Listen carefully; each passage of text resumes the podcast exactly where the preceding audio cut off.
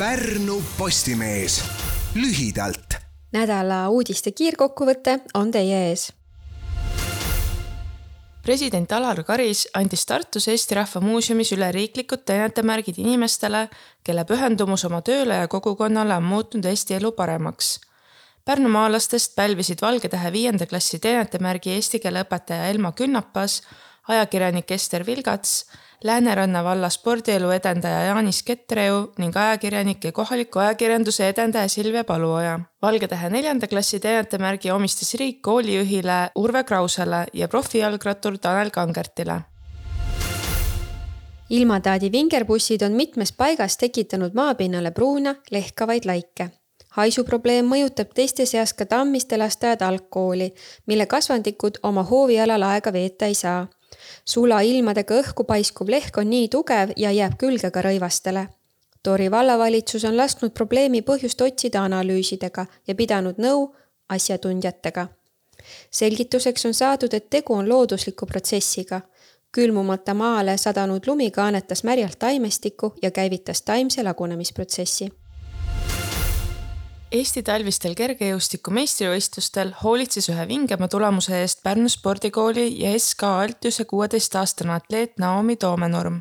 Romet Mihkelsi õpilane läks täiskasvanutega mõõtu võtma tuhande viiesaja meetri jooksus, kus tulemuseks mõõdeti neli, kolmkümmend neli, kakskümmend. Toomenurm sai vingejooksuga oma nimele kaks Eesti siserekordit seda nii U kaheksateist kui U kakskümmend vanuseklassis. varasem U kaheksateist tippmark oli püsinud nelikümmend aastat ja U kakskümmend lausa nelikümmend kaheksa aastat. Ühtlasi täitis Toomenurm saavutatud tulemusega U kaheksateist eaklassi Euroopa meistrivõistluste normatiivi, seega on suvel minek Slovakkiasse Pärnu linnavalitsus eraldas toetusi kümnetele kultuuri- ja spordiüritustele. Neist kõige suurema summa ehk viiskümmend tuhat eurot sai Valgusteatri festival Öövalgel. enamik sellest rahast kulub korraldajate sõnutsi tehnoloogiale ja väiksemate summadega poleks festivali võimalik üldse teha. Öövalgel toimub sel aastal kahekümne kuuendast kuni kahekümne kaheksanda septembrini toetussummadest jäi teisele kohale Pärnu kirjandusfestivalile antud kakskümmend viis tuhat eurot ja kolmas oli Pärnu ooperipäevadele eraldatud kümme tuhat eurot. Pärnu Postimehe fotograaf Mailis Ollino ja spordireporter Märt Pilme said tunnustust eelmise aasta tööde eest. Nimelt kuulutas Eesti Spordiajakirjanike Selts mulluste spordiajakirjanduse parimate tööde konkursil võidufotoks Mailisi tabamuse Kalisteenika Eesti karikavõistlustelt Märt jäi parima maakondliku loo kategoorias napilt teisele kohale. looga Kossu klubi juhi keerulisim hooaeg, loobumismõtted, veganiks hakanud mängija ja kaotatud kihlvedu. konkursile laekus üle saja viiekümne töö üheksas kategoorias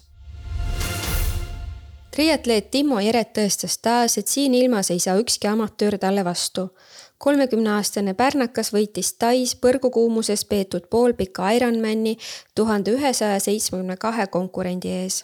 Jereti edu oli finišis veenev. kui tema ületas finišijoone kolme tunni ja viiekümne kuue minutilise pingutuse järel, siis tuli järgmist atleeti oodata üksteist ja kolmanda koha meest neliteist minutit kõiki lugusid saab põhjalikumalt lugeda Pärnu Postimehe veebist. uudised valisid ja lugesid ette Siiri Erala ja Grete-Liisa Sihver Pärnu Postimehest. Pärnu Postimees lühidalt